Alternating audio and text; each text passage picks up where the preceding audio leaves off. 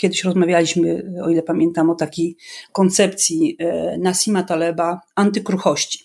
Są firmy i są ludzie, którzy łamią się w kryzysie. Są firmy i ludzie, którzy są odporni na kryzys, wychodzą poobijani, jakoś tam osłabieni, ale przetrwają i idą dalej. No a wreszcie są też jednostki, które kryzys, one z tego kryzysu wychodzą jeszcze silniejsze, jeszcze bardziej zaradne, jeszcze bardziej gotowe do walki, tak jak żołnierz po dobrym przeszkoleniu, tak? Jak odnaleźć się w finansach? Jak sprawić, by pieniądze służyły realizacji naszych celów życiowych? Na te oraz inne pytania odpowiadają goście podcastu Po ludzku o pieniądzach, którego partnerem jest Generali Investment TFI SA i który mam zaszczyt prowadzić. Nazywam się Radosław Budnicki, na co dzień prowadzę podcast Lepiej Teraz i nie jestem internetowym guru zarabiania. Rozmawiam tylko po ludzku o pieniądzach z ekspertami, którzy zrozumiałym językiem tłumaczą zawiłości finansów i to, jak sprawić, by pieniądze nam służyły a nie nami rządziły. Serdecznie zapraszam.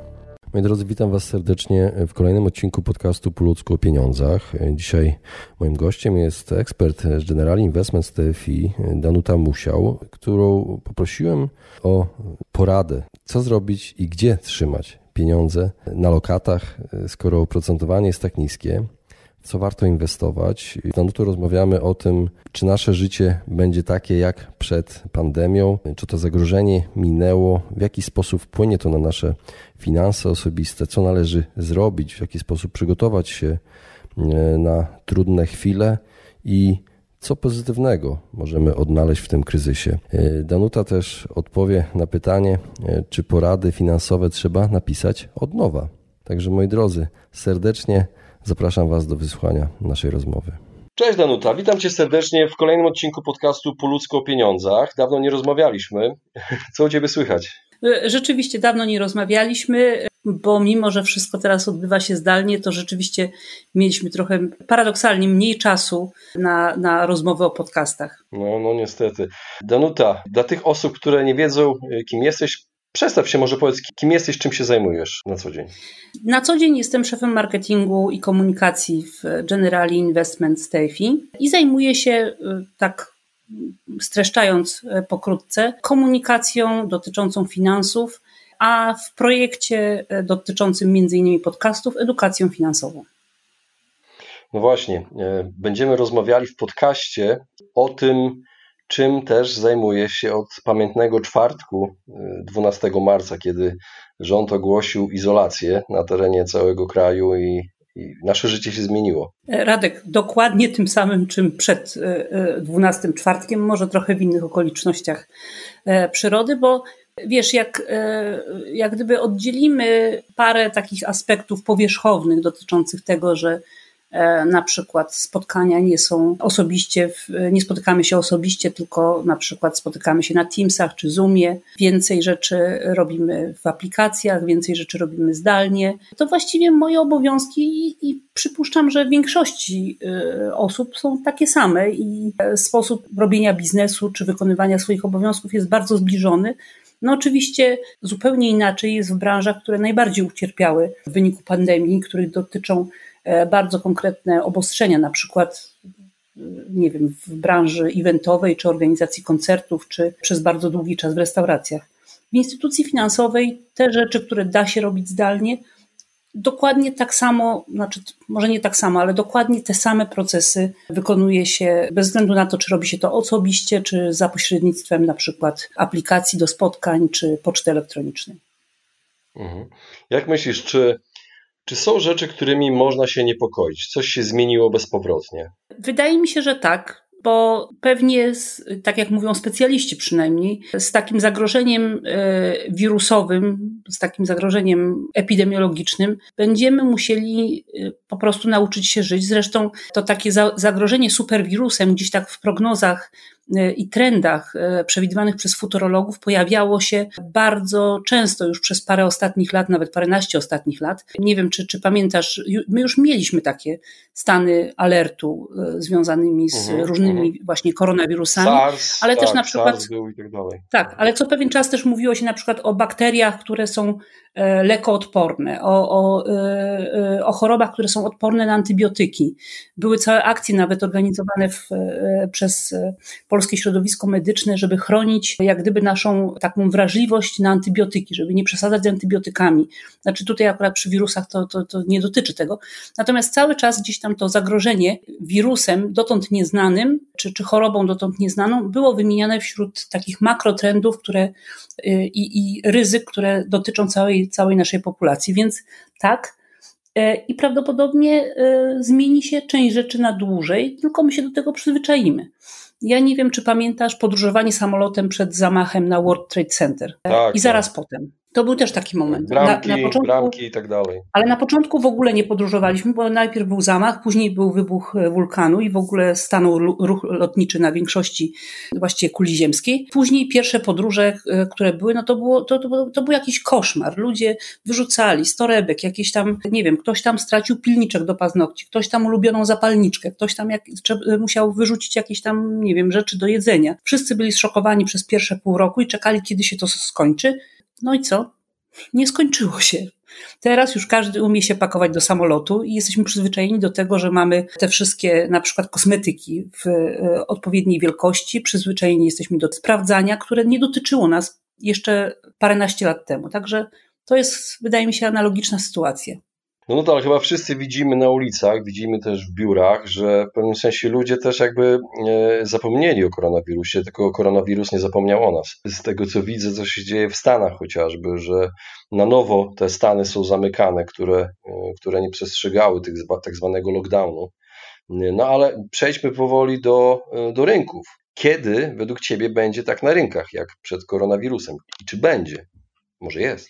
Po pierwsze, ja nie jestem ekspertem od rynków finansowych, tylko od komunikacji, więc tu uchylam się od odpowiedzi, ale z tego, co e, mogę powiedzieć, to jest pytanie, e, e, jak? Bo, bo, to, bo przed koronawirusem też e, rynki miały swoje, e, swoje e, specyficzne zachowania, mieliśmy okresy różnej koniunktury. Po prostu będziemy mieli jakiś nowy, znaczy nie ma powtórzenia sytuacji jeden do jednego, że nagle we wrześniu wracamy i jesteśmy jeden do jednego w sytuacji dokładnie takiej, e, jak byliśmy w lutym, e, nawet jeszcze nie, nie spodziewając się tego, jaką, jaką skalę będzie miał koronawirus. Równie dobrze można by było się zapytać, kiedy wróciliśmy do sytuacji sprzed poprzedniego kryzysu. No praktycznie nigdy rynki się odbiły, natomiast sytuacja jest zupełnie nowa.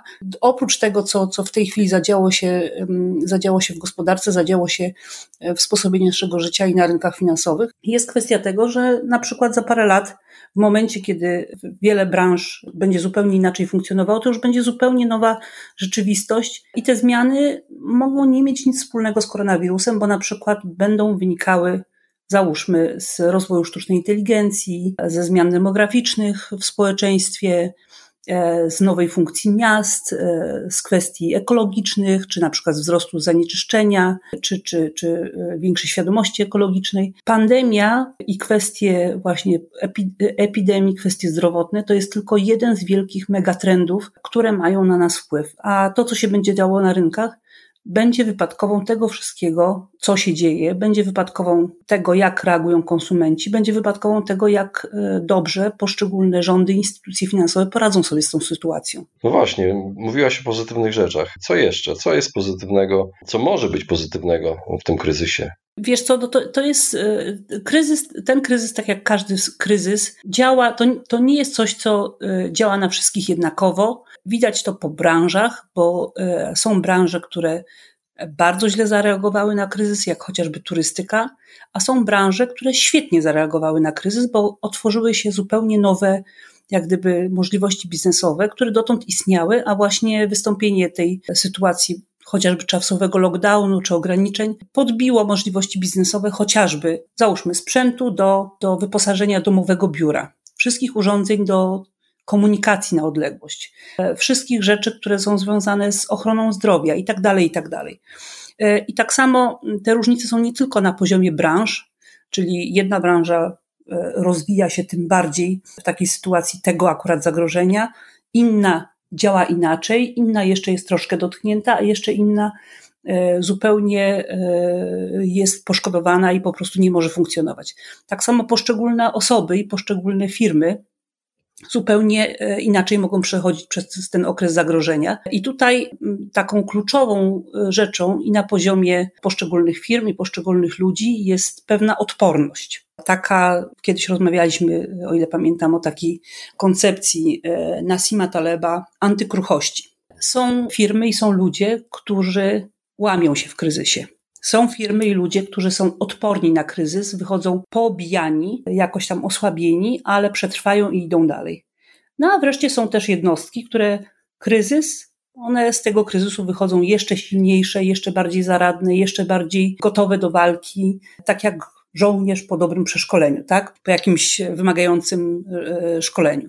I tutaj jest tak samo. E, część z nas, część z biznesów, część e, z, część z pracowników, część E, ludzi wyjdzie z tego kryzysu o wiele e, mocniejsza, ponieważ zda sobie sprawę, jak jest w stanie się zorganizować, jak jest w stanie e, zmienić e, swój sposób funkcjonowania, jakie rzeczy niepotrzebne jest w stanie wyeliminować ze swojego codziennego życia, sposobu robienia biznesu, ze swoich nawyków. I, to dla wielu osób może być takim e, momentem, który powie, który sobie zdadzą sprawę, że zupełnie sobie od nowa poustalają hierarchię swoich ważności a w biznesach, biznesy, które zupełnie e, od nowa spojrzą na możliwości strategicznego rozwoju i na przykład skoncentrują się nie na jakiejś tam szerokiej gamie produktów czy usług, tylko na, na, na, czymś, co jest najbardziej przyszłościowe, najbardziej odporne na taki kryzys i jednocześnie daje możliwości największego rozwoju. No właśnie, tak się zastanawiam. Osoby, które są odporne na zmianę i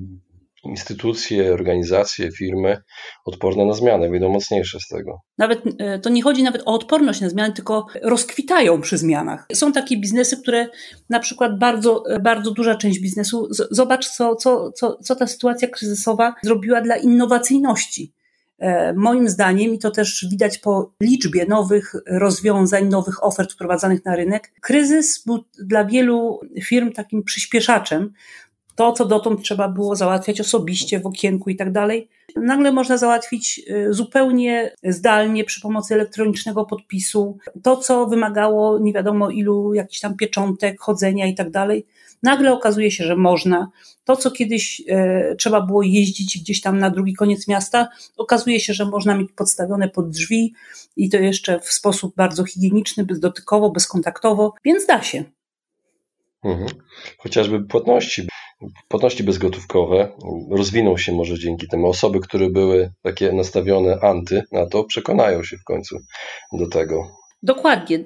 A z drugiej strony e, popatrz na całą, znaczy z jednej strony można ubolewać nad branżą eventową i turystyczną, bo to rzeczywiście jest ogromny cios. Natomiast cały rynek podróży służbowych, to e, przeszliśmy po prostu przez, przez bardzo przyspieszoną digitalizację i pracę zdalną. A powiedz a propos podcastu po ludzko pieniądzach, czy porady finansowe według Ciebie trzeba napisać od nowa po tym, co się wydarzyło?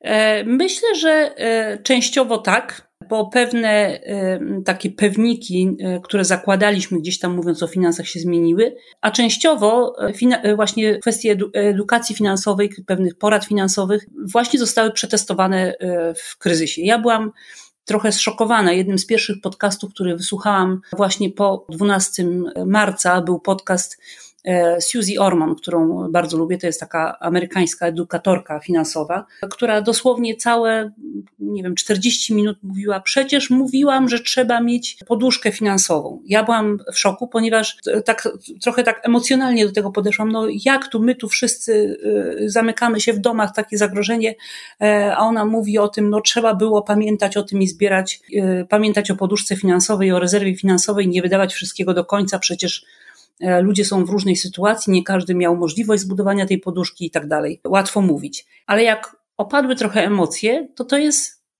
jak to mówią ludzie, najprawdziwsza prawda.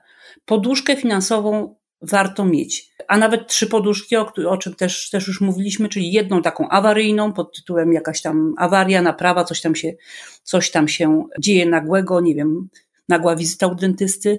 E, drugą, tą postojową, czyli na 6 do 12 miesięcy kiedy nie możemy osiągać dochodów. No i tutaj w takiej sytuacji znalazło się bardzo dużo osób przez ostatnie miesiące. No i ta poduszka długoterminowa na zupełne przeorganizowanie swojego życia, czy to na wielki projekt, czy to na jakieś e, duże przedsięwzięcie, czy to na emeryturę. Bo jak widać, wszyscy po prostu przeżyliśmy taki realny alarm i przeżyliśmy e, realnie sytuację kryzysową, która dotknęła nas wszystkich jednocześnie w tym samym momencie i nie można było nawet, nawet, że tak powiem, chować głowy w piasek i udawać, że jej nie ma.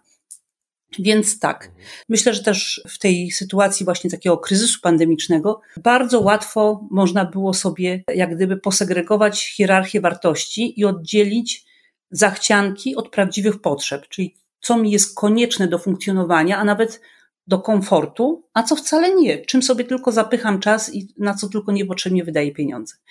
Największą chyba zmianą, która w tych poradach finansowych, które dyskusji o nawykach finansowych e, czy, czy zarządzaniu domowym budżetem, e, dotyczy tego, co, co jest jak gdyby echem e, całego kryzysu, bo po okresie lockdownu w wielu gospodarkach zostały uruchomione programy tak zwane stymulujące, które e, związane są, no jednym z elementów tego, tego mechanizmu jest obniżka stóp procentowych. I nawet e, my dotąd przyzwyczailiśmy się, że lokowanie pieniędzy w banku, trzymanie na koncie oszczędnościowym to jest może niezbyt duży zarobek, ale zawsze jakiś procent e, się uzbiera. E, no i w sumie e, to jest taki, że tak powiem, pierwszy wybór. W momencie, kiedy masz jakieś pieniądze, to trzymasz sobie je e, na koncie oszczędnościowym albo na lokacie. Przy kolejnych zaczynasz myśleć o, o na przykład inwestowaniu w fundusze, czy, czy konta emerytalne, czy nieruchomości, czy, czy kruszce i tak dalej. W tej chwili pieniądze na koncie przy oprocentowaniu bliskim 0% to jest koszt bo często dochodzi do tego jeszcze opłata, na przykład za prowadzenie konta.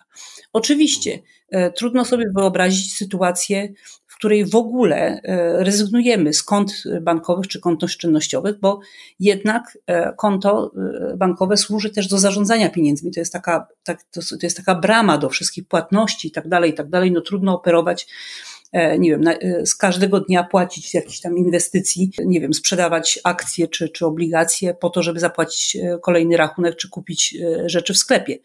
Natomiast to są pieniądze, które ewidentnie teraz widać, że one nie zarabiają.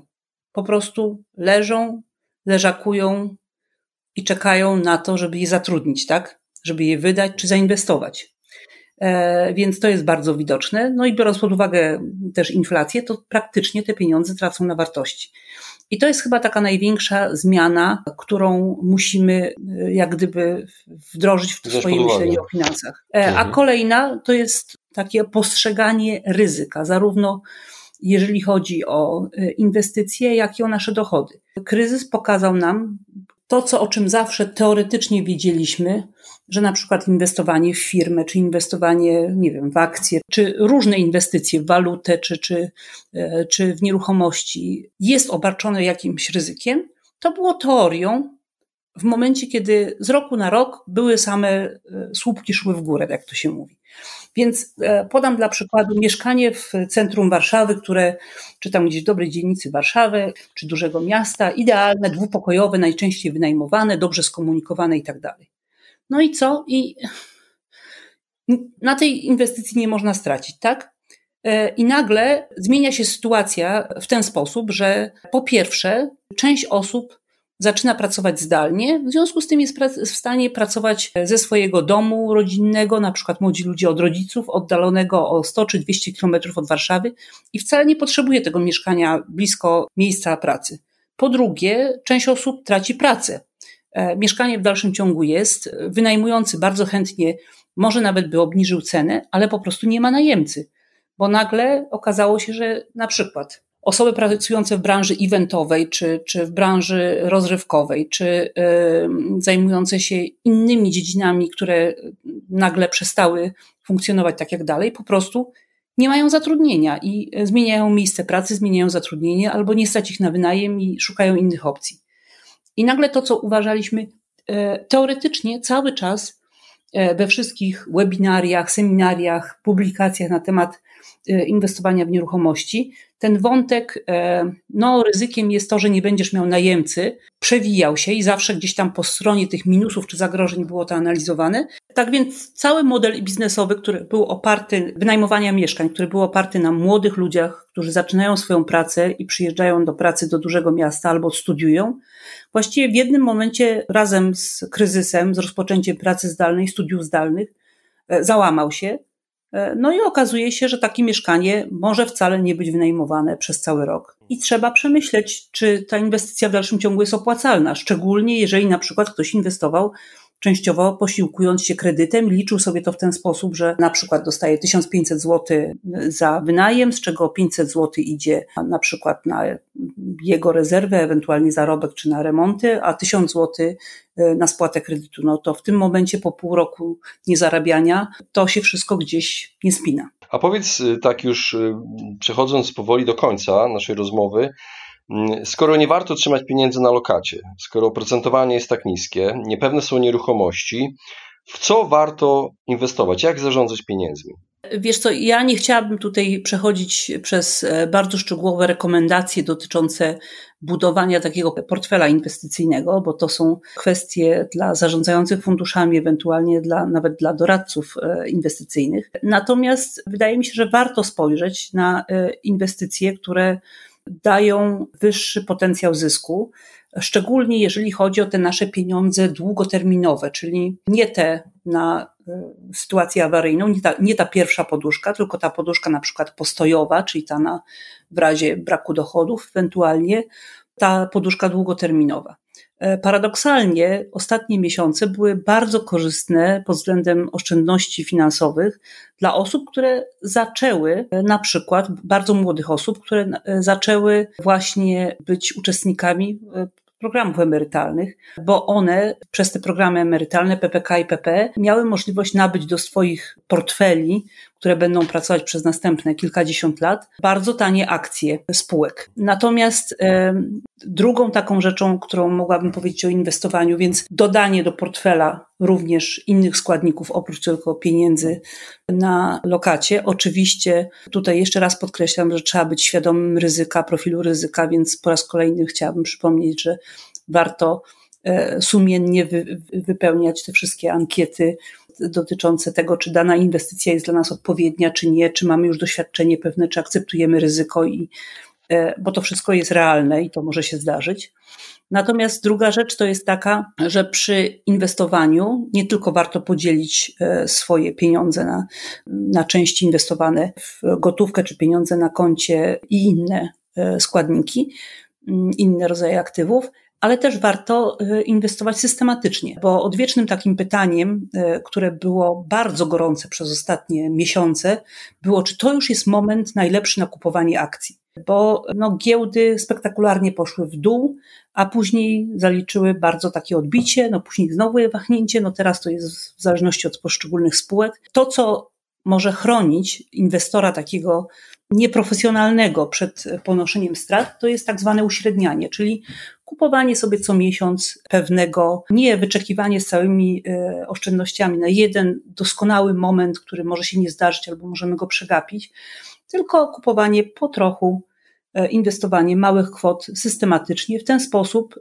dane pokazują, że to jest najlepszy sposób, żeby w sumie średnio uzyskać najlepszą cenę na przykład akcji czy, fundu, czy najlepszą cenę jednostki funduszu akcyjnego nabywanego do, do, do portfela. I to jest kwestia taka, która sprawdza się niezależnie od hossy, bessy na giełdzie, kryzysu czy nie kryzysu.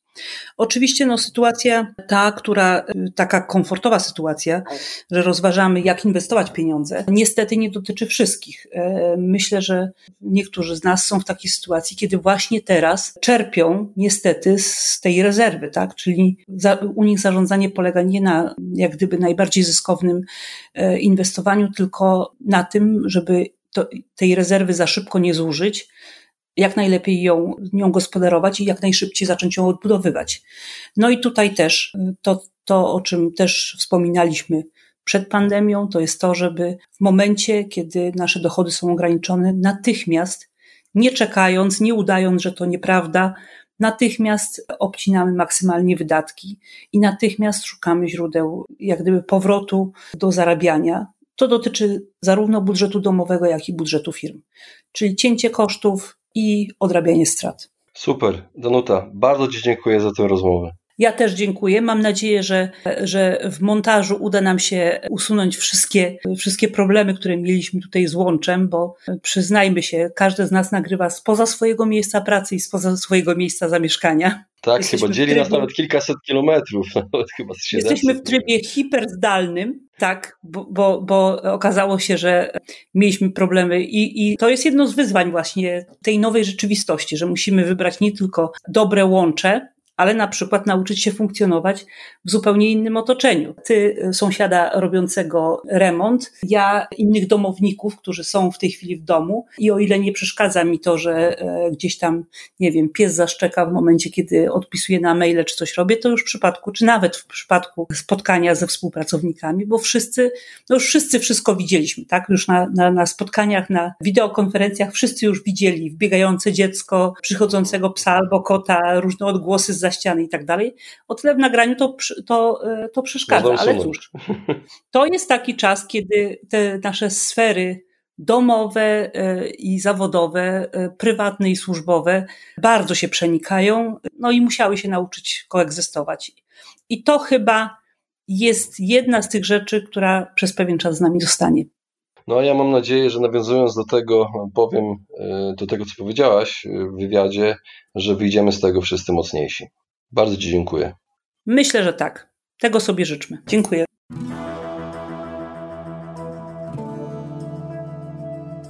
Właśnie wysłuchaliście podcastu Po ludzku o pieniądzach. Mam nadzieję, że Wam się podobała rozmowa. Jeżeli Wam się podobała, poświęćcie swój czas, proszę, by pozostawić swoją recenzję na iTunes. Jeżeli macie pytania lub e, propozycje dotyczące kolejnych audycji, piszcie do mnie na fanpage'u Po ludzku o pieniądzach i do usłyszenia w następnym razem.